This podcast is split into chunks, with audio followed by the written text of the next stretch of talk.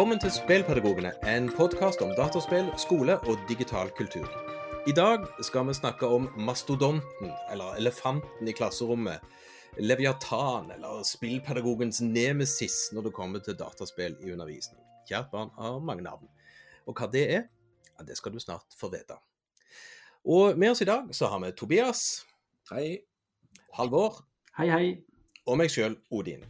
Og bare for å minne oss sjøl på hvem vi er. Halvor, hva er det du holder på med sånn til vanlig? Du, jeg eh, heter Halvor Tengs, og jeg jobber som undervisningsinspektør på Husabø ungdomsskole i Egersund kommune. Så det er der jeg holder hus til vanlig. Og hvordan kom du med opp i dette med å holde på med spillpedagogikk? Åh, jeg eh, Ja, jeg holdt på å studere, da, og så tok jeg kontakt med en kar som heter Odin, fordi jeg var litt interessert i dette med spill og læring og sånt. og Spilte et spill som jeg tenkte jeg skulle si litt om i dag, bl.a. Og så, så endte det opp med at jeg skrev en mastergrad, master om, eh, om spill og litteratur. Og eh, har jobba litt med, med spill på ulike måter etter det. Bl.a. ved å podkaste sammen med, med gode spillpedagogkollegaer. Ja. Og Tobias, du eh, er ikke i Egersund. Jeg er ikke i Egersund. Eh, jeg er i Bergen, der jeg til vanlig, holdt jeg på å si, til vanlig, det er noen år siden nå faktisk, men pleide å undervise i norsk historie og religion på Nordre Grieg videregående i Bergen. Men eh, de siste årene så har jeg sysla med en, en offentlig sektor-ph.d., som det heter. Der jeg underviser på under, underviser, ja, mm, forsker på mine egne kollegaer. Eller forsker på skolens praksis eh, med The Walking Dead i etikkundervisninga i religion og etikk på VG3. Mm. Så ja.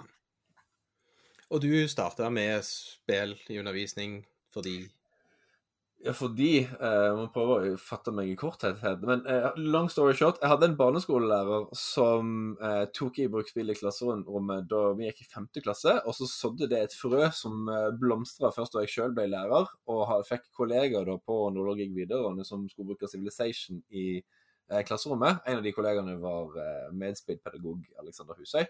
Um, og det syns jeg var en så kul idé at jeg tenkte at det skal jeg begynne å gjøre. Og uh, nå, mange år, ti år senere nesten, så sitter jeg her og gjør doktorgrad på det. Så Ja, det er ikke dårlig.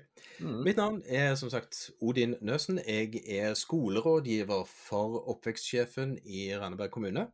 Og har for så vidt lang fartstid som lærer, undervisningsinspektør og rådgiver for skolesjef. Og har jo drevet med dataspill, sys- systematisk dataspillundervisning, siden vel 2011. Og, og det var jo for så vidt denne, siden De fleste av oss som er her, vi har jo alltid spilt spill i en eller annen form. Og, og det, vi hadde et prosjekt der jeg var lærer i en klasse, når jeg var undervisningsinspektør, der vi jo begynte å dele ut datamaskiner til alle elevene. Og da eh, plutselig tenkte jeg at det er masse spill jeg syns har vært kjekke. Og da tenkte jeg hvorfor ikke ta det òg med inn i klasserommet? Hvis jeg har hatt en positiv opplevelse og lært noe av det, da må jeg vel kunne bruke det som en del av undervisning. Og så har det på en måte begynt der, og så har ting tatt ting etter ting etter ting etter ting. Og så sitter vi jo her som spillpedagoger og har prøvd mye rart i klasserommet. Og da er vi jo en fin liten trio. Eh, forskeren, skolelederen, skolelederen på et litt annet nivå. eh, med utgangspunktet for dagens podkast. Og før vi skal røpe hva spillpedagogens nemesis er, så må vi ha noen sånne godbiter på veien før det blir alvor her. Og eh, Tobias, hva, hva holder du på med for tida? Nei, Det sier seg sjøl på en måte, du holder på med doktorgrad, ja. jeg på siden av doktorgraden, eller innimellom doktorgraden, når jeg er i et eh, glimt av manglende selvbeherskelse, holdt jeg på å si, så går det stort sett i Elden Ring fortsatt. Um, og når jeg spiller med andre, så går det stort sett i uh, mitt yndlingsbrettspill, Kingdom Death Monster, som uh, spillpedagog, eh, lytter, veteranlyttere har hørt meg mase om før. Um, men jeg bare kjapt tips som et ny, nylansert spill som har vært ute i Early Access en stund. Dorf-romantikk. Eller Mm. ty tysk for hva blir det, småbyromantikk? Ikke småby, men, men landsbyromantikk. Landsbyromantikk. Ja. Ja. Det er eh, for de av dere som har spilt Carca- brettspillet Carcassonne, det er et slags eh, Carcassonne med sekskanter. Eh, spiller. Det er utrolig avslappa lite puslespill, der du egentlig bare skal pusle sammen sånne vakre små, små bylandskap med åkre og skoger og togbaner og elver og innsjøer og sånn. Og så får du, får du sånne, så har du en stekk med brikker som du må legge ut, og så får du sånne småoppdrag underveis som å bygge en skog som har så og så mange trær, eller noe sånt. Og hvis du klarer de småoppdragene, så får du flere brikker. Og så holder du bare på til du går tom for brikker og skal få en high score. Utrolig avslappende og chill, og forferdelig pent, spør du meg. For meg som har sans for sånne organiske mønstre som oppstår på en egentlig uorganisk, av uorganiske brikker, kan du si, så er det veldig Jeg syns det er kjempefascinerende det du ender opp med. Men eh, i stedet for eh, Ja, nå har jeg for så vidt gjort det jeg sa jeg ikke skulle gjøre, å komme med spilltips, men jeg leser en del artikler for tida pga. ja, ph.d. Jeg skal kjapt fortelle om artikkelen jeg leste som heter 'No Going Back The Telltale Model as Thought Experiment'. Det er en artikkel av en, eh, egentlig en, en masterstudent som har fått publisert en artikkel i eh, journalen Elud Eludamos, som er en game studies-journal. Han skriver at um, at, om denne Telltale-modellen, som mange sikkert kjenner til fra The Walking Dead og lignende spill, der spillet sier til deg når du starter at eh, ja, dette spillet reagerer på valgene dine, og historien tilpasser seg valgene du gjør, den, de gjør jo i liten grad det.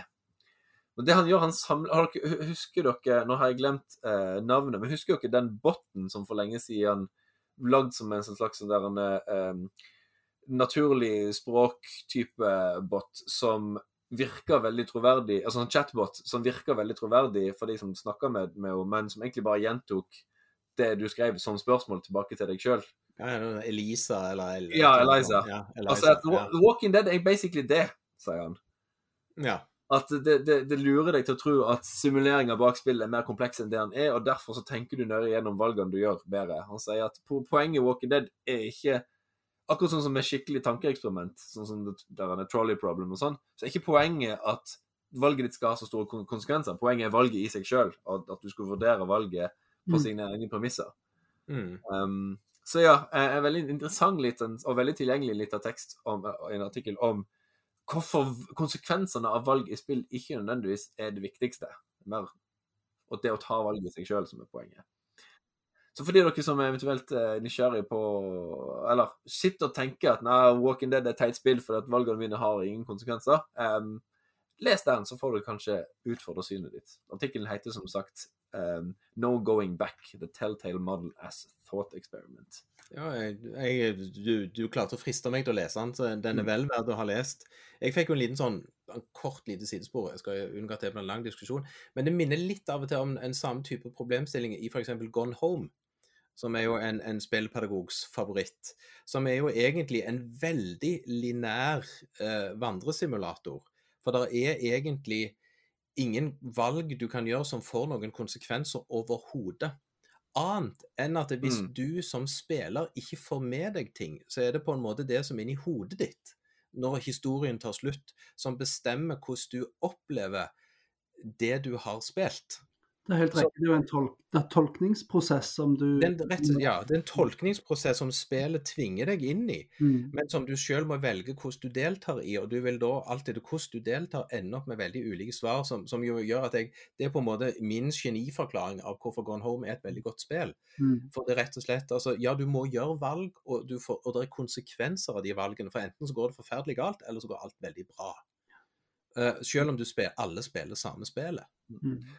Kanskje for å vri litt på det Sid Meyer-sitatet vi ofte bruker om at spill er en, en serie interessante valg. Kanskje spill heller egentlig er en serie av interessante øyeblikk?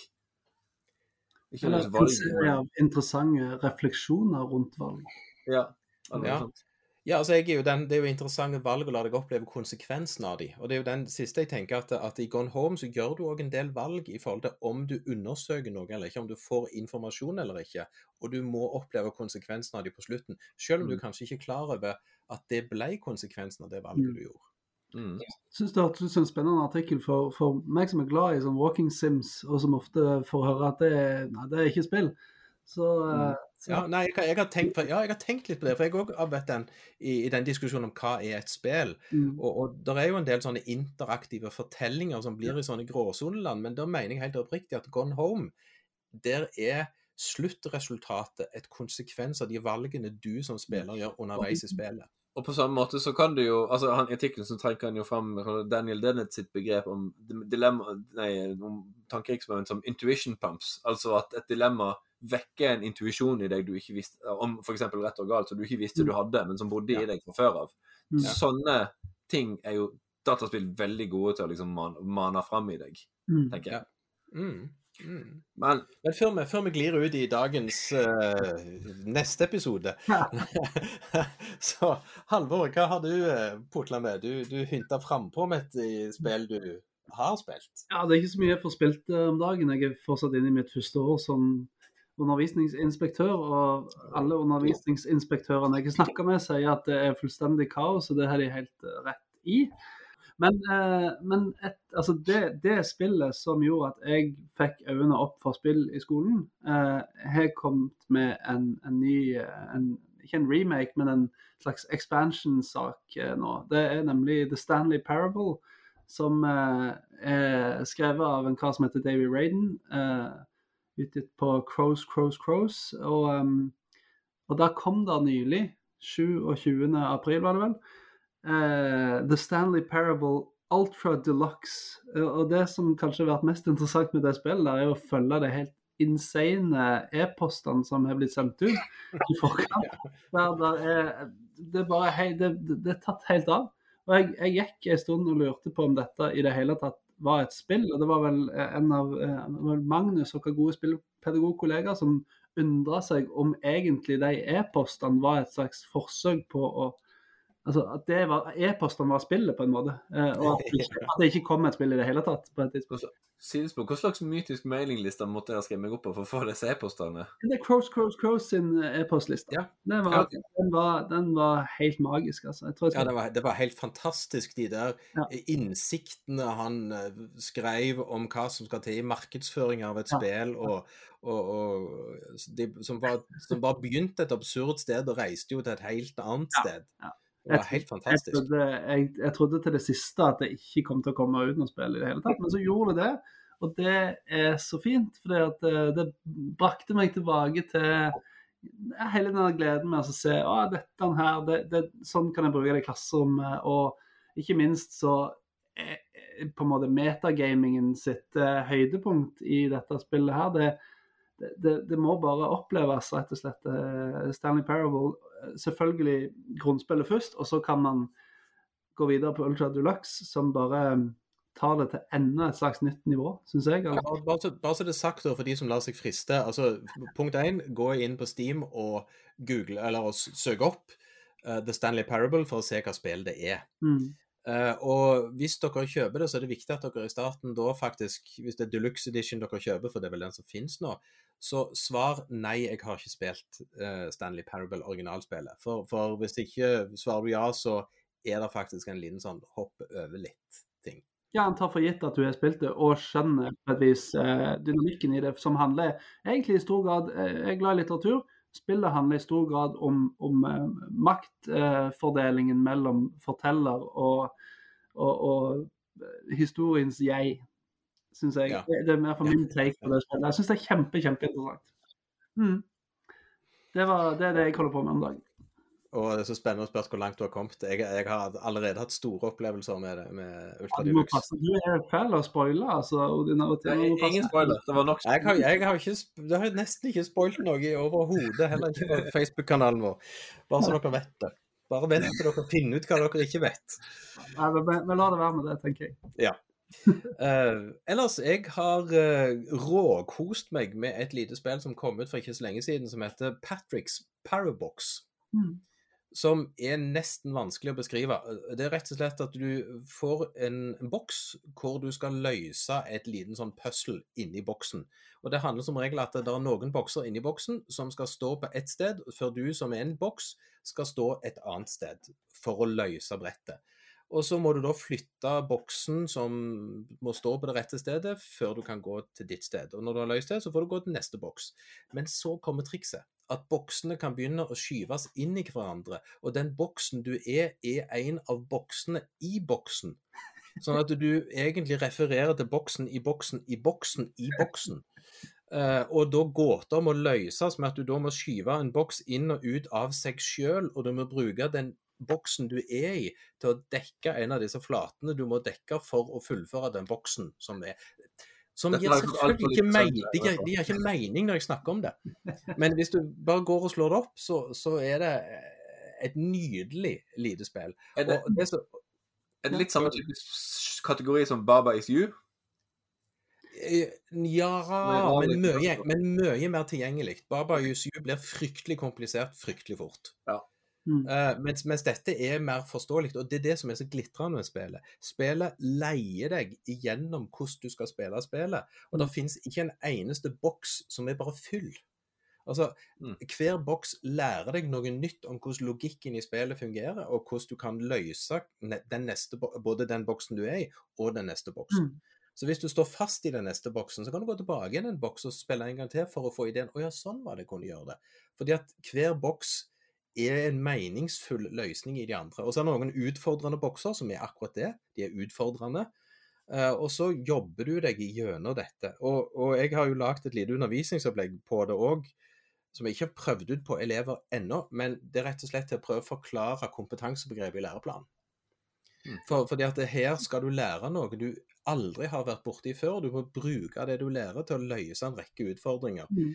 Eh, og, og det å kunne på en måte da ha en metasamtale om hvordan lærer du å løse de ulike oppgavene i dette spillet som en måte å få kompetanse på. Mm. Og at kompetanse både er kunnskap og ferdigheter i forhold til å måtte reflektere både da innenfor og utenfor boksen, Mm. bokstavelig talt, i hvordan du skal løse problemer. Det var, det var jo veldig lurt, lurt take på, på selve skolebruken av dette spillet. Jeg syns det var veldig, et veldig fint spill. Et veldig, et veldig sånn originalt puslespill. Eh, som egentlig er litt sånn det er litt sånn Vygotsky-style puslespill. Ja. For at det, det hele veien holder deg eh, innafor din proksimale læringssone, holdt på å si. Det, ja, det, den, den biten der med å lære kompetansebegrepet er jo viktig, syns jeg. Jeg jobba mange år i videregående skole, og det, det, er ikke, det er ikke en Altså Det å forstå hva kompetanse er, det er det mange som kunne trenge mer eh, ja, undervisning i. Og det er jo kjempeviktig i og med at hele læreplanen vår er bygd rundt kompetanse. Mm. Og så synes jeg, og det som er en sånn annen ting som er veldig flott med spill, og som er en liten sjeldenhet Dette er jo et spill som eh, ikke krever noen ting som helst speltekniske ferdigheter av deg. Altså, der, der finnes, altså det eneste, du, du er nødt til å kunne se skjermen, men alt er stort, det er ingen små detaljer. Du trenger ikke ha fargesyn, du trenger ikke ha hørsel. Eh, om du sliter med å trykke på taster, så kan du stille inn alt på spillet for å få det til å fungere for deg. Så det er jo rent som et av de mest tilgjengelige spillene Mm. i forhold til, til det med å lage spill tilgjengelige for ulike grupper som òg finnes. Det er ikke språk, altså, så, så, så, så de er ikke noe som du må lese eller noen ting. Så det er en, det er en liten perle av et spill på egentlig veldig mange plan. Mm. Og så er det, du blir jo hekta når du spiller. Iallfall gjør jeg det. Jeg syns jo sånne spill er de, de er lagd for meg. Når du har en boks i en boks i en boks, og du skyver boksen ut av seg sjøl, da, da er jeg solgt. Jeg så traileren og tenkte dette, jeg er solgt. Eh, Så, så det er verdt å se. Ellers så har jeg en liten, sånn, eh, liten anbefaling, som en liten gratis perle, som fins på itch.io, og som også fins på Steam, som heter If On a Winter's Night. Som egentlig er ei eh, som har lagd fire små fortellinger, der rammeverket er på at du er på et tog der alle har masker, og det toget har masse litterære betydninger, uten at jeg skal si så mye mer om det. Eh, og der du da blir fortalt, eller må spille fire små fortellinger i en sånn pek og klikk-eventyrstil, med nydelig pikselgrafikk. Mm. Og, og der de små fortellingene, der er det så mye som er så lett å hente ut av fortellingene og bruke direkte i klasserommet. Uh, til, fra egentlig veldig ulike perspektiver, alt fra KRLE, samfunnsfag, eller bare ta norsk og engelsk som, som det å bli fortalt fortellinger og litt sånne ting, og masse som kan brukes. Som igjen, gratis liten perle akkurat der. Anbefales til alle som har lyst til å bruke dataspill i undervisning. Gratis er jo det beste. Det Ja. er Gratis er det beste. Men er, er dette en sånn referanse? Har det noe sammenheng med, med Italo Calvino sin 'If on a Winter's Night', som, som er en sånn klassisk sånn metafortelling der man, han begynner romanen med å si at nå skal du lese en roman som heter 'If on a Winter's Night' av Italo Calvino? Er det noen Det sånne ting? Det, altså, nå har du en referanse til noe jeg ikke har lest, da. Eh, men, men jeg tror ikke det. Nei, OK. ok. Jeg tror ikke det. Eh, det. Jeg har ikke kommet helt igjennom ennå, så det kan jo hende at de overrasker meg mot slutten. Men, men så langt det virker det ikke sånn. Nei, OK. Nei, jeg har lyst til å prøve det. Ja. er. Ja, jeg, eh, jeg er stiv nå og skal eh, legge det til. Og der røyk den podkast-episoden.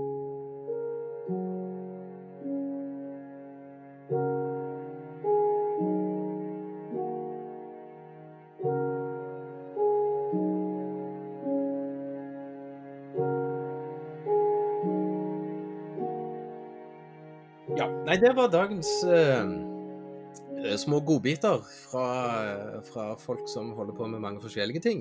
Uh, og da skal vi over til podkastens hovedtema for dagen.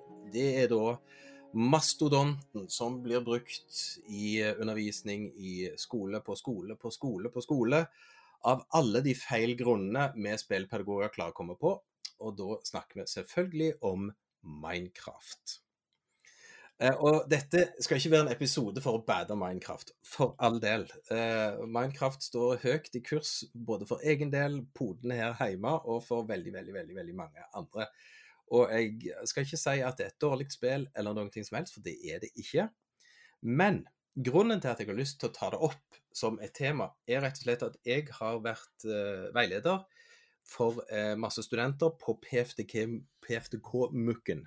Hva er det for noe? Du må, du må forklare. PFTK, profesjonsfaglig digital kompetanse, Mm. som er et sånn videreutdanningstilbud for alle lærere i uh, grunnskole og videregående skole. Nå er jeg det i grunnskoledelen, så jeg har hatt de som jobber i grunnskole. Og som en del av dette, det er en MOOC, da, en sånn multi, massive online open course, som da alle kan dele seg på, som er bare digitalt. Og i en del, en pakke i det kurset, der har jeg klart å få lov til å snike inn en del om dataspill i skolen. Yes! Mm. Eh, Så det er naturlig profesjonsfaglig digital kompetanse, mener jo jeg. Eh, Og som en del av det så skal de som studentene skrive litt om de har brukt dataspill sjøl i undervisning. Og før de skal gjøre det, så har vi en liten runde i kurset om hva er et dataspill, og vi prøver å rydde opp litt i det, sånn at de skjønner at det er forskjell på stigespillet og læringsspill og vanlige dataspill. Sånn at vi, vi prøver å rydde litt i det. Men så skal de da skrive om de har brukt dataspill sjøl eller ikke, og hvis de har brukt hva de har brukt, hva de har brukt det til. Mm. Og så oppdager jo jeg da at brorparten av de lærerne som skriver inn her, eh, og det er så godt som alle, de mener at de har brukt dataspill i undervisning, og da har de brukt Minecraft. For det har veldig mange kommuner bare kjøpt inn, så de har det enten tilgjengelig på Windows-maskinen, eller på iPaden, eller også på Chromebooken. Eh, og så brukes det det, og så sier de ja, da har jeg brukt dataspill i undervisning. Når de beskriver hva de har brukt det til, så er det to gjengangere. Det ene er at de bruker det til koding. Eh, At det er sånne kodeoppgaver som er innebygd i Minecraft, eller denne Education Edition. Mm. Eh, Og det andre er at de bygger et eller annet. Eh, Og da er det enten en gammel gresk eh, by, eller så er det en vikinglandsby, eller så er det skolen sin, eller så er det en moské. Altså, bare, bare bruk som det. Og så skal jeg innrømme at som spillpedagog så, så blir jeg litt sånn motløs. Eh, For, fordi at da refleksjonen rundt hva er et dataspill, ramler liksom litt ut på veien. Uh, og, og så har jeg hengt meg litt opp i å si det at eh, når du bruker Minecraft på den måten, som de fleste beskriver at de gjør, eh, så, så er jeg for så vidt med på at det kan være en sosial aktivitet i klassen. Det kan òg være en aktivitet du kan ramme inn i eh, for så vidt god didaktisk undervisning. Jeg skal komme til et punkt etterpå som, som, som er i forhold til det. Men de bruker jo ikke Minecraft som det spillet Minecraft er. Det er, ing, er ingen av de som starter Minecraft med tanke på at de skal drepe Enderdragen. Mm. Men, men nå skal jeg være litt djevelens advokat og, og si at ja, men da er det jo veldig få av de spillene vi bruker, som brukes som spill, i så fall. Nei, eh, både og, vil jeg sagt. For det er noe med å la spillintensjonen få lov til å virke. Altså, altså, Når vi spiller Gone Home, så bruker vi det spillet sånn som det for så vidt er lagt. Vi, vi spiller på. Når vi bruker Firewatch, så spiller vi spillet. Eh, når jeg bruker eh, Nå glemmer jeg jo navnet. altså Patricks Parabox, så bruker jeg spillet. Men jeg rammer spillet som aktivitet inn i en didaktisk setting, hvor jeg på en måte da sier at her har spillet som det eh, kulturuttrykket dette dataspillet som spill er, men jeg har satt det i en undervisningssetting. Mm. Mens når du bruker Minecraft på den måten som det stort sett blir brukt, så skrur du av den delen som er et spill, og så sitter du igjen med bare verktøydelen av det. Altså, du Creative det- mode. Ja, creative mode, der du bare bruker det som en legokloss-system. Og, og, og da har du på en måte tatt vekk alle spillelementene. Du sitter igjen med, med at det er et digitalt verktøy, for all del. Og, det et, og du kan spille det på en server og bygge sammen, og du kan løse en oppgave sammen. Men selve spillet er vekke. Ja, du sitter igjen med virtuell Lego. Du sitter igjen med virtuell Lego, og da er det på en måte sånn Men, men da er det at de fleste lærere de lener seg tilbake og sier at jeg bruker Minecraft, og Minecraft er et spill. Mm. Og så stopper på en måte refleksjonen rundt det i, i det øyeblikket.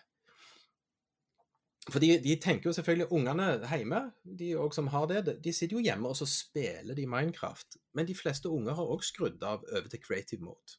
Og koser seg med andre, og så bygger de ting. Og så er det noen som spiller med ideen om at de skal få nok ressurser til å lage Ender-portalen, til å komme seg til Ender-verden for å kanskje ta knekken på Ender-dragen til slutt òg. Noen spiller som det òg, men det er et fåtall. Må vi bare forklare for de som ikke kjenner så godt til Minecraft, at i tillegg til creative mode, den folk flest bruker, så har du såkalt survival mode, er det ikke det det heter? Jo. Jo. Der du, skal du ha tre, så må du hogge trær, og skal du ha stein, så må du grave ut stein, og du må liksom jobbe manuelt, altså ikke manuelt, men du må jobbe i spillet, gjøre arbeid i spillet for å få tak i det du har lyst til å bruke og bygge, og du, der er fiender, og der, du må skaffe deg verktøy, og du, det, ja, det blir Ja, som om, kveld, om, Ja, om kvelden kommer monstrene og vil drepe Yes. deg, eller under bakken Mm. så er det òg monstre som vil drepe deg. Og i creative mode så bare tar de vekk alt dette. Ja. Uh, og, og, og, og da er det på en måte at jeg tenker en sånn ah, Det er et eller annet som skjer på veien her, som vi som spillpedagoger har som en, en liten utfordring. Det kan både være en dragkraft, altså litt drahjelp til å tenke at ja, dette er spill i undervisning, fint. Samtidig så er det at det stopper der. Fordi de vil jo ikke oppleve en del av det som vi prøver å snakke om, å ta opplevde dataspill med disse valgene som du må oppleve konsekvensen av, eh, og som kan gi opplevelser i, i, i fortelling, altså i det narrative opplevelser, eller òg følte opplevelser som du kan bruke eh, som, på en didaktisk god måte i undervisning. Mm. Og så og så er det én ting til som jeg skal bare smette inn, bare så jeg har også sagt det. Minecraft er òg en felle av, mener jeg, og det er også av egen erfaring, i forhold til tid kontra læringseffekt. For, for det å, å installere Minecraft og bruke det til noe undervisning, f.eks. bygge moskeer i KRLE eller et eller annet sånt, da bruker du fryktelig mange timer på at de skal bygge en moské, og jeg er veldig usikker på om læringseffekten eh, knytta til hva de vet om islam og moskeer, i etter å ha brukt all den tida på dette, om den står i forhold til hverandre. Eh, og så skal jeg si det, og det, det er en bekjennelse av gamle synder. Ja, mine elever har bygd religiøse bygd en masse.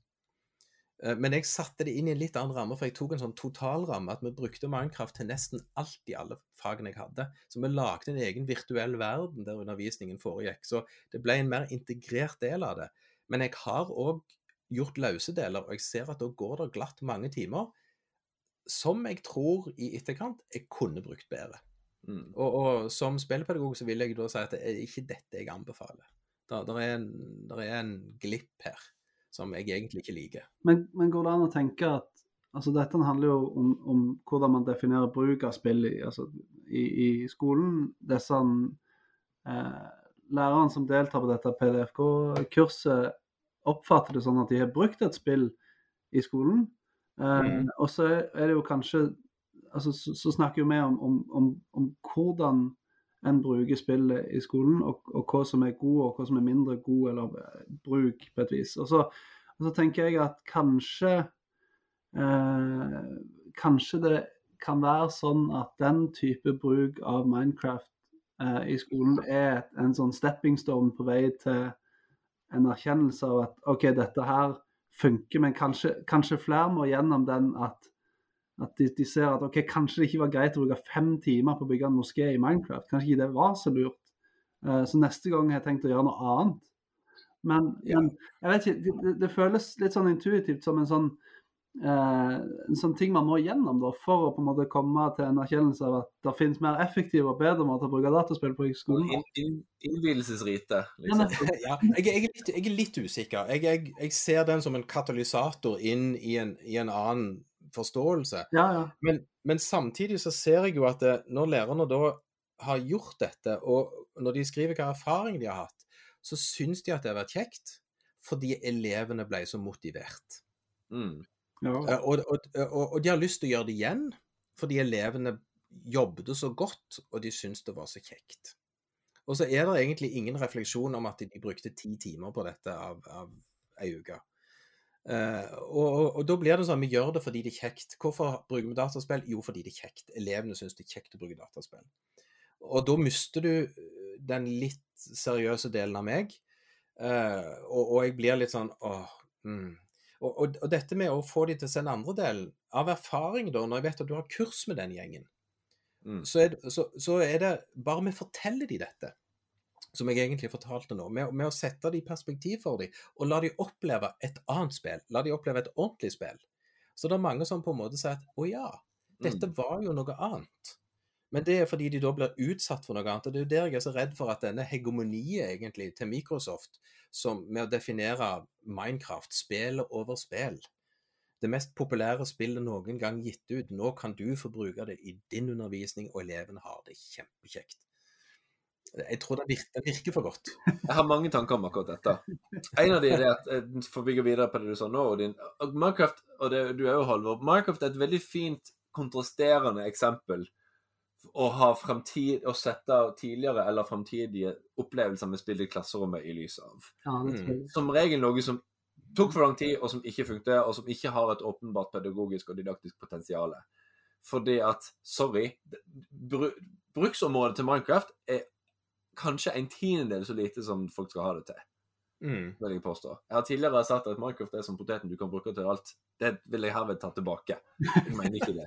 Det er som Minecraft er som eh, sambal lek. Du kan bruke det til et par ting. Ja, ja, ja, ja, men jeg skal, nei, jeg vil arrestere deg bitte, bitte, bitte litt. Mm. Uh, Minecraft sydd inn mot de tingene Minecraft gjør bra. Og det er, no, det er noen ting. Fungerer veldig godt, men det har ingenting med dataspill å gjøre. Det, det har med, det, er liksom, det, er en diskusjon som på en måte Om hvorvidt det er et spill eller et spill man ikke bruker i klasserommet, det, det er en kategoriserende diskusjon. Og så har du en annen parallell eh, didaktisk diskusjon. Altså hvorvidt et spill eller et spill har ingenting med didaktikk å gjøre, hvis du skjønner hva jeg mener. Nei, nei, ja, ja. Men, Ja. men uansett. Men det andre jeg skulle si, var Altså, den konspirasjonsteoretikeren i meg klapper høyt for Microsoft og bøyer meg i støvet som ligger på gulvet på hjemmekontoret mitt, og sier dere har skutt gullfuglen. Dere har lurt en hel skoleverden til å kjøpe bullshitet deres. ja. Altså, det er, det er en markedsføringsgenistrek, og ikke bare For Microsoft de kan jo både selge PC-er og spillisenser til intetanende skoler rundt om i hele verden. Altså, det, det Jeg tror ikke folk forstår det pra- prakt... Altså, de har totalt overtatt den po- populære eh, kaffepausediskursen om spill i skolen. Det er helt Ja, ja, ja. det de har fått til. Så kudos til Microsoft. Dere eh, Og jeg tror ikke lærere er så lette å lure, nemlig.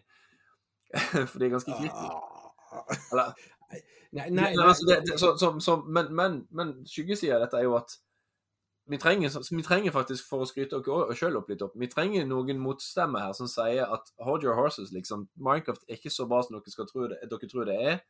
Og um, Minecraft selger løsninger, tror jeg, på problemer som i stor grad er oppdikta. Jeg har tidligere på denne podkasten sagt at den store fortellingen om at elever kjeder seg på skolen, og at vi trenger ny pedagogikk for det 21. århundre, og at generelle eh, ferdigheter er viktigere enn domene- og fagspesifikke kunnskaper og sånne ting, det er en diskurs som er fabrikkert i stor grad av Silicon Valley, og som gjør det desto lettere, og, og som en trojansk hest for alle som har lyst til å selge eh, teknologi til, til offentlige utdanningsinstitusjoner. Fordi at begreper som f.eks. 21st Century Skills er så vagt definert, og så samtidig så intuitivt, at det er fungerer som et verktøy ypperlig verktøy for alle som har lyst til å snakke om hvorfor teknologi er viktig i skolen, uten å måtte, måtte trenge eller måtte, måtte gidde å sette seg inn i spesifikke kompetansemål. Så, så, så, så Beskriver alle utdanningsmesser ever, liksom. Hva sa du? at Beskriver liksom alle sånne utdanningsmesser der folk står på stand. Ja, fordi at det er så lett å snakke om Altså, det begynte når Ken Robinson sa at 'schools kill creativity'. Altså, unnskyld Mm. meg, men fuck off. det gjør de ikke. Eh, eh, og, og, og det at, og, liksom at, at generelle Altså, man glemmer at generelle ferdigheter oppstår under spesifikke forhold. Mm. Sant? Ja. Og, og ja, du kan være kreativ låtskriver, men du er ikke en kre mer kreativ kokk av den grunn. Altså, det finnes, jeg tror ikke det finnes noe sånt som generelle ferdigheter. Jeg tror det finnes kanskje generelle ferdigheter innenfor et domene. Altså det finnes kildekritikk innenfor historie, f.eks. Mm. Men noe sånt som kritisk tenking generelt, det tror ikke jeg finnes. Det er bull- Det er tull og tøys. Sånn dagens vent. Det var ikke den jeg tenkte å slutte på. Men, men Minecraft er en del av dette. Minecraft er en historie, en del av et veldig stort kapittel i historien om hva som er galt med skolen, og hvordan teknologi skal løse det. Og at du kan, Problemene i skolen er sosiale av natur. Du kan ikke tvinge inn tekniske løsninger på sosiale problemer. Ja, men, men, her, her, her, hvis vi bringer det litt tilbake til lærerne igjen. Eh, kunne man ikke utfordre dem til f.eks. gjøre noe så enkelt som å spille på survival mode? Altså si nå skal vi prøve å overleve så lenge som mulig, og hvor, hvor, er, det det, hvor er det det går galt? Jeg har egentlig best erfaringer med så når jeg, når jeg holder kurs eller foredrag, egentlig best erfaringer med spill som, som irriterer folk, eller som plager folk. Altså, spill som, som gode spill som Papers, Please eller This War of Mine, eller eh, et, min, min favoritt kanskje It Goes On, som folk kok forbanna, egentlig, ikke sant, på spill. Og så, og så opplever man det, og så, og så kan man diskutere hvor går det galt, hvor er det jo galt, hvor er strategien min. Man kan jo spille Minecraft i, i survival mode, og så diskutere ja, hva gjorde jeg for å overleve, f.eks. Ja, men det, men det, er jo da, det er jo da jeg tror det to, skjer to ting. Mhm. Det ene er at da blir spillet farlig. Ja, ja. Altså, du jo, da noe. Du kan risikere noe. Du kan mislykkes. Ja, nettopp. Ja, jo, jo men, men du som lærer forholder deg sjelden til en aktivitet der det er en stor risiko, eh, og meningen at eleven skal mislykkes. Dessuten så må du sette deg inn i den situasjonen sjøl. Og da plutselig så kan behersker du ikke lenger med dem, for du vil mislykkes mer enn elevene, for elevene har kanskje spilt Minecraft en god del mer enn du har.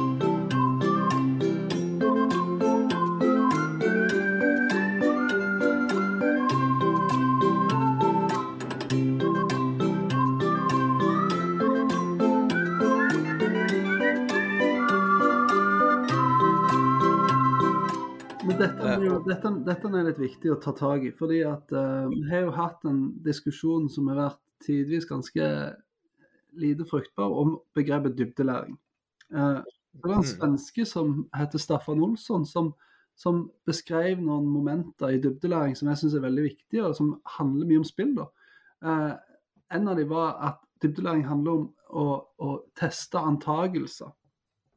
Mm. Og teste altså teste hypoteser, gjøre antagelser, og så endre perspektiv eller endre virkelighetsoppfatning i lys av de erfaringene som man gjør seg.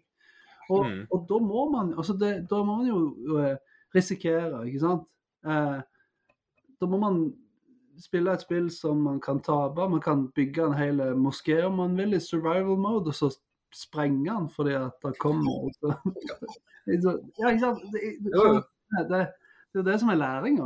Hva gjorde jeg Ja, galt? Hva gjorde at uh, Du, du, treffer spikeren på hodet der, uh, Halvor. ja, Altså, jeg, forskjellen jeg jeg, det selv Vi skal ikke snakke om å sprenge moskeer, det er ikke meningen. Eh, eh, En eller annen, annen type bygning.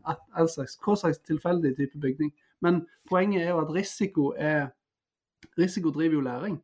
Og, Ja. og det, man, skal, man må jo på en måte De lærerne som, som spiller Minecraft i creative mode og på en måte her det fine and dandy og alle, alle har det gøy, de må utfordres til å si Nei, til, til å på en måte uh, tenke OK, hva skjer nå hvis jeg bringer inn litt risiko i dette spillet her? Hva, Mm, hva ja, det- det med læring?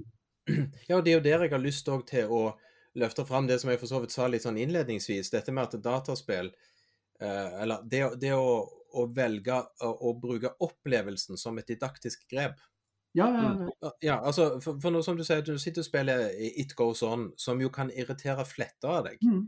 Uh, hvis du ikke helt har spilt det før en del ganger. Så, så, så er jo hei, og det er jo faktisk hele poenget, og det er poenget å snakke om den opplevelsen. Mm. Og hva som skaper opplevelsen, og også kunne da relatere din egen emosjon inn da på et annet domene, egentlig. Apropos eh, det du sa, Tobias. altså Istedenfor å ha det i spill og irritasjon der, og faktisk snakke om ja, men hva slags livssituasjon er det egentlig dette spillet emulerer? Mm.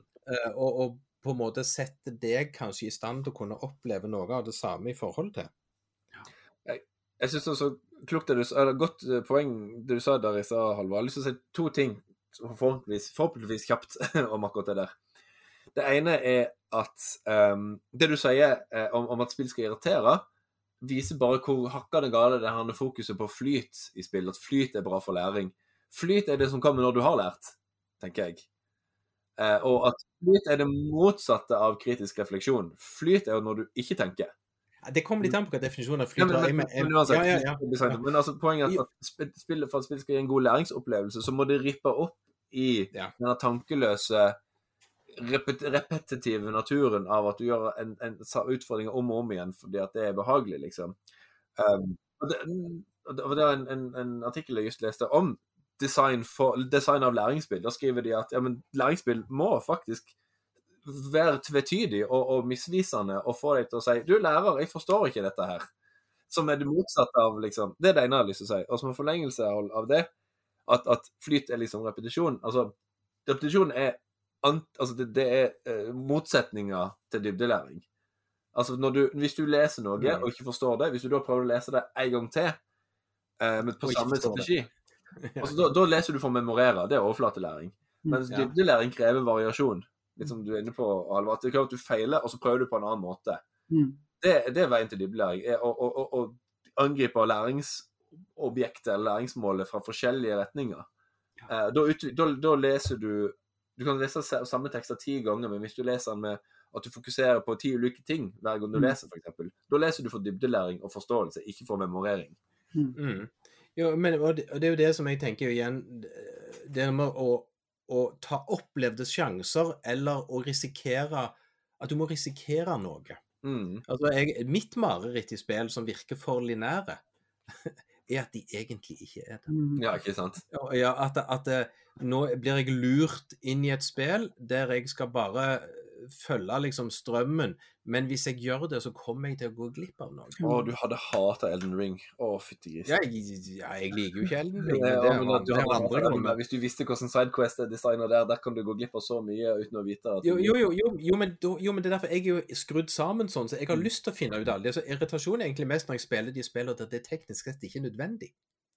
For jeg, for jeg, bruker, jo, jeg bruker jo så mye tid på det. Men, men poenget er jo det at det er noe med den, å sette seg i den modusen til å spille noe der du risikerer å måtte miste noe, og du risikerer å måtte gjøre ting Mm. om igjen. Mm. eh, og du må på en måte lære av det du gjorde. Jeg- skal bare løfte en liten sånn flagg og, og vifte for Patrick's Patrick Sparrowbox igjen Mm. som, som, som er en sånn spill det, Spillet er jo lagd for at du skal gjøre feil hele tiden. mm.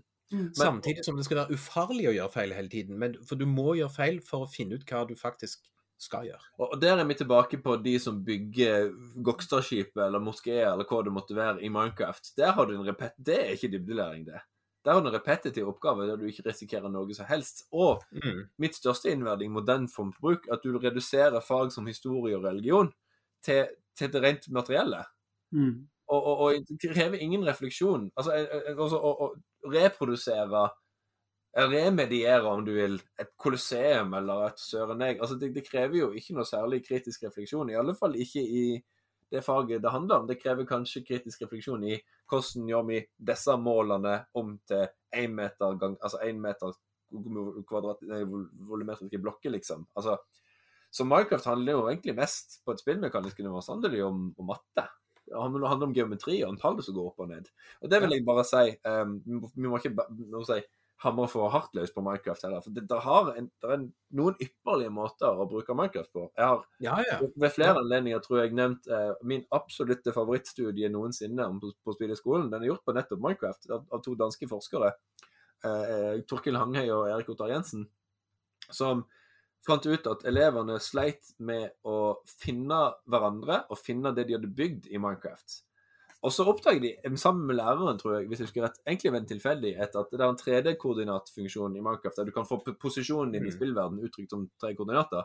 Mm. var en ypperlig måte å få elevene til å, å, å forstå hva 3D-koordinater er. Så da ble et matematisk verktøy om til et nyttig verktøy i spillet. Og flere elever sa at dette var første gangen de forsto at matte, matte var nyttig. Mm. Og det, ble, Ja, altså, det- og det ble til et verktøy de brukte på fritida si. Ja. Og det, og det er jo et lignende òg som, som jeg har vært eh, Som jeg ikke har gjort sjøl, men som jeg vet noen i, i Randaberg har brukt en del. Det er jo det å lage en kopi av skolen sin ut ifra branntegningene i matematikk. Mm. Eh, som da egentlig blir et gruppearbeid, for de gjør det felles som klasse på en server, der de fordeler hvem som skal gjøre hva slags del av skolen. Der de må samarbeide, de må ut og måle forholdene på skolen. Mm. Og så vet de at en blokk i Minecraft er én ganger én meter, og så må de løse en masse problemer om hvordan de skal løse ting i Minecraft når det ikke stemmer med virkeligheten. Og, og så hadde du hun norsklæreren som jeg leste om for en stund siden, som jeg dessverre ikke husker navnet på, men som hadde brukt hele vinterferien sin til å lage en Minecraft-verden med forskjellige tomter. Og så måtte byggfagelevene hennes først søk, skrive sånn søk, søknader for å få lov til å bygge, og de beste søknadene fikk de beste tomtene. Og så måtte de gjøre sånn regne, regne ut ok, hvor mye materiale tror du at du trenger for å bygge dette bygget her. Og, og det var virkelig god speedpedagogikk, altså. Men fordi at læreren har den tydelig Spill. Ja, eh, Jo, jo, jo, men altså, de bruker jo på en måte altså Når du har liksom begrensa ressurser, altså når du innfører en slags begrens, knapphet i ressursen, f.eks., i Minecraft Jo, jo. det, det, det spiller ingen rolle om du kaller det et spill eller ikke. Poenget er at det er veldig det er smart bruk av verktøyer, om du vil. Ja, men, ja, men du snur på det at det, og det er jeg forstått med på, at da lager læreren regler for hvordan spillet virker. Nettopp. Og det Ja. er jo poenget. Og det det, jo og det, går, fint, og det går fint an. Ja, og det er jo Ja. der hun og Hun heter Linn Katrin Vestly eh, på, på Re, Ja, Re videregående. Shout-out til deg. Linn Katrin. Ja, shout-out der, altså. Men, men det er jo litt Det var litt av eh, det som var poenget mitt først, da. At, at lærere som eh, tenker at eh, Minecraft har noe i, i skolen å gjøre, og ønsker å bruke det, og syns at det er, er, er spennende og kjekt, kan på et vis De må jo nå den erkjennelsen som, som Linn Katrine kom til. da. Jeg vil jo anta at kanskje hun har brukt Minecraft på eh, mindre pedagogisk skakkjørte måter enn en dette. Dette var jo neste nivå. ikke sant? Hun har tenkt at OK, jeg må, jeg må bearbeide dette verktøyet sånn at jeg kan bruke det mer fornuftig i skolen. Mm. Den, den, den jeg, jeg antar, hvis vi hadde spurt henne nå, så tenker jeg hun hadde sikkert sagt at jeg har jo gjort den eh, det her med bare bygg et eller annet, og så ferdig med det. Liksom, nesten sånn veggplakat-måte å bruke Minecraft på. Så jeg, jeg, jeg tenker vi må, vi må på en måte anerkjenne det, jo at, de, at man, man må gjennom en del sånne prøving og feiling-greier først. før man kommer. Ja, men, men, ja, og, det, og det er den jeg tenker at For det, for det er jo da du kan få de gode tingene Ja. med Minecraft. Altså, Jeg skal nevne to andre eksempler. De er vel for den gamle utgaven av Minecraft, men jeg regner med det er noen som har lagd noe lignende i den nye. Jeg har ikke brukt den nye så mye i undervisning. Men altså, det er noen som har lagd noe som heter Hungercraft. Mm. Uh, som var da en verden der de delte alle spillerne i to, og det var etter The Hunger Games-bøkene. Eh, og da Den ene halve klassen skulle spille de på den i det laveste distriktet, og den andre skulle spille i det høyeste distriktet. Men spillreglene var for så vidt at de hadde gjort de avhengige av hverandre. Mm. Fordi at eh, de eh, som eh, var i det laveste distriktet, de måtte grave ut kull. Og de rikeste trengte dette kullet for å bearbeide maten, Mm. så de kunne spise maten. Eh, men eh, også når da spillet starter, så får du spille det i creative mode bitte litt, så ingen, sånn at du blir vant med spillet. Og så skrur læreren på survival mode. Ja. Og da må de i den verden som har alt, bortsett fra mat de kan spise, mm. avtale med de som har kull og ingenting annet. At de må få kull, så de kan lage seg mat for å ikke dø. Samtidig så må jo da de som har kullet, forhandle med at de må jo få mat. Så de òg kan spise og fortsatt lage kull. Og plutselig, så, og plutselig så har du et svært samspill i klassen som foregår da i et multiplierspill, som jo da er Minecraft. Du har ikke en slags fluenes herre på gang her nå? Jo, jo. Det er fullstendig. Det var, det var spinnkjekt. Fordi at plutselig så hadde du en forræder. Ja, som da åpna døra for denne laveste distriktet, så de kunne komme inn, og så ga de våpen og greier. Og så ble det jo fullt opprør og krig i klassen. Og folk som var venner, ble uvenner og diverse. Så, men, men, men igjen, det er jo faktisk Minecraft på sitt beste. Der de jo da faktisk bruker Da brukte jo spillereglene i spillet. Mm. Det andre eksempelet er jo en galen lærer i Dubai. Som jo da brukte hele sin lærerkarriere omtrent der nede, tror jeg, på å lage verdenshistorien i Minecraft som et spill i Minecraft. Så han hadde rett og slett skrudd på creative mode og lagd masse regler og styr og personer og verdener og oppdrag og styr og mirakels. Det var helt fantastisk. Du kunne spille hele verdenshistorien som et spill. Eh, eh, og, og med oppdraget som skulle fullføres og få badges underveis og masse sånn. Og hvis du spiller gjennom hele spillet, så har du gud bedre meg lært verdenshistorien. Men, og Felles for alle eksemplene her er at det er læreren som har tatt styringa, Ja. og ikke overlatt eh, spillet sin dynamikk Altså overlatt spillets dynamikk til elevene og regnet at ja, men så lenge de sitter og bygger, så lærer de noe.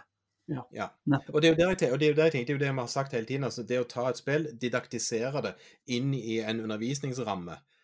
Men, men så det er der jeg tror at Minecraft er jo en jeg har visse skumle elementer fordi det virker så lett. Og som du, Tobias, sier, det er, en, det er jo en, en promoteringsmotor bak dette som bare handler om bare bruk det. Du bruker dataspillundervisningen, du er en fremadretta, eh, framoverlent lærer nå. Eh, samtidig som du egentlig ikke har gjort noen ting som helst nytt. Og så er jo egentlig håpet om da Skjønner du at du egentlig ikke har gjort noe helt nytt, og, og tar tilbake igjen kontrollen over dette? OK. Eh, Forslag, hypotese om Jeg skulle til å spørre deg nå, Odina. Du sa innledningsvis at Minecraft er spillpedagogikkens eller spillpedagogenes nemesis. Men jeg lurer på om jeg har et forslag til hvorfor det. Og det at det reduserer spill i skolen til virtue signaling. Og det, med det mener jeg at ved å bruke Minecraft, så kan du signalisere at jeg er ikke en av de trauste og kjipe kateterlærerne. Jeg er en av de hippe og kule. Ja. Det er Det er det jeg- samme det som jeg å ha en eller annen sånn meningsløs badge på Facebook-profilen din, eller et eller annet sånt. Eller rik, Ja, ja, det, ja, ja altså, det, det er litt sånn å, å, å sette strøm på blyanten i en eller annen variant, egentlig. Altså, det er så uforpliktende. Ja. Men du, Ja, det betyr du, du ingenting. høster samtidig kreden og, og, og, og Mm. etosen som dataspill har fått i, som, som læringsverktøy har fått i visse kretser, fordi at det sies å løse så, altså, visse problemer i skolen, som at elevene er umotiverte, og undervisning ikke er lærer, un, lærer, nei, le, eh, elevsentrert nok og motiverende Mm. nok, og bla, bla, bla, bla, liksom. Um, jeg, jeg tenker at jeg, jeg irriterte meg så over media i den sammenhengen. der, For at de, de, er altså de, de nyhetssakene som er om spill i skolen, er jo veldig eh, sånn de, de hyller den læreren som gjør noe. Og så Mm. er det kanskje ikke så mye sånn type spørsmål av, av hvorfor gjør dere dette her. Jeg, jeg hadde, det, var en, det var en reportasje i, i NRK Rogaland for noen måneder siden der en skole i, i Stavanger-regionen brukte eh, oh, Assassin's Creed, var det det? Eh, Ja. Ja. Til, til historieundervisning. Eh, og da var det masse sånn om, om hva- holder dere på med nå, og hvor gøy er dette? Og så Mm. avslutta denne rapporteren med å si, og han må jo angre på det etterpå, men han sa eh, nå skal det endelig bli gøy å lære historie. Noe i den retningen. Det var ikke det. Nå skulle, du, nå skulle det egentlig bli endelig Det var, var Jeg trodde det var Never Alone og, og blant annet urfolkskultur. Ja, ja, det var om samene. Nå skal Nei, det det- kjekt. det- det er jo her. Ja, det, nettopp. Ja, OK, det har sagt, ja, de har sagt det flere ganger. Ja, det stemmer. Ja. av Ja, for det skjer hele veien. Og da, da er på en måte læreren er kul og hipp og, og, og fremadlent. Og Læringa skjer på elevenes premisser. Og, Nei, nei, men det, nei, men det er nesten ikke det engang. For i de reportasjene som har vært der, så har du en lærer som henger litt sånn på sida bak. eh, og, og som ser litt sånn på Wow, dette så jo litt kjekt ut. Og så når de intervjuer læreren òg, så er det som ja, dette er jo litt nytt og sånn, men det er jo, det er jo kjekt å se at de er så interessert. Eh, og, og, og du får liksom at læreren òg liksom plassert litt sånn elegant på sida, Mm. og, og på en måte beundre satt på spissen og da, spillet, og på en måte den interessen spillet skaper, og på en måte igjen da underbygge det som jo faktisk ble sagt, om at nå var det da blitt kjekt å lære om sammen. ja, sant. Eh, for, fordi at det er jo ikke denne læreren i stand til ellers. Guds, Gud forby. Eh, og læreren på en måte og trekker seg jo inn i den rollen òg, og, liksom, og blir litt sånn sjøl Ja, men dette så jo kjekt ut sjøl, liksom. Jeg, jeg kom jo sjøl i skade for å si når, når Back in the day, når NRK kom til meg og ville se på ja, Walking Dead i klasser i skolen, kommer nå det noe? Så klart jeg òg lirer av meg at ja, de, de blir engasjerte og motiverte, og når du er det, så lærer du mer. Men jeg sa, jeg sa etterpå det, og det er jeg så glad for at NRK tok med, ja, jeg ville ha en god katalysator for klasseromsdiskusjon. At jeg ville ha interessante problemer å snakke. Så jeg klarte heldigvis å lire av meg noe fornuftig. Ja, jeg redder det deg igjen. altså. Ja, jeg er ikke så veldig kry av akkurat de kommentarene der, altså. Men til mitt forsvar så var jeg 26 og visste nesten ikke hva jeg drev med. meg og Tobias skal vise et, det videoopptaket av deg eh, på NKUL, tror jeg. Du og Tobias? Ja. Nei, men jeg, meg og Jørund, mener jeg. Ja. Ja, Ja, det må dere gjerne gjøre. Jeg vil gjerne si en ting, eh, og dette burde jeg sagt tidligere. Hvis du er en lærer som sitter og har litt sånn tårer i øyekroken og sier ja, men, ja, men, ja, men jeg liker Minecraft, eller jeg har brukt det, og jeg mm, vet ikke bedre. Altså, hvis, hvis, hvis Minecraft er et hederlig forsøk på å helt seriøst gjøre noe bra for elevene, og liksom Det er ikke det jeg blir irritert på. Nei, nei, nei, nei. nei, det er ikke deg som lærer. Vi er vel mer at Minecraft blir en mastodont. Vi er, vi er sinte på diskursen rundt Ja. Ja. Og jo, det var det jeg skulle til å si. I forhold til pressen eh, og media. Uh, og, og det med at de på en måte Selv om du ikke hadde sagt dette med at alle elevene blir så motiverte og et eller annet sånne ting, eller de syns det er så kjekt Selv om du klarer å formulere at du nå driver en aktivitet som gir elevene nye opplevelser, som du bygger undervisningen din på, som igjen gjør undervisningen mer levende og, og får elevene mer opptatt og interessert i det de holder på med, så har reporteren hørt elevene syns dette var motiverende og kjekt. Mhm, ja. Og så er det det som ender opp på papiret. Men prøv òg et, enda et råd, hvis vi er der at vi gir råd til lærere som kanskje tenker at Minecraft er, er, er bra. Ehm, prøv å innføre risiko, eller prøv å innføre muligheten til å feile. og Se hva som skjer da. Altså hva, hva innebærer det for den dynamikken som du får i et spill som Minecraft, hvis du kan miste det du har bygd, f.eks. Det, det tror jeg er en inngangsport til mange mange fornuftige refleksjoner rundt hvordan Minecraft kan brukes i skolen, og hvordan andre spill kan brukes i skolen.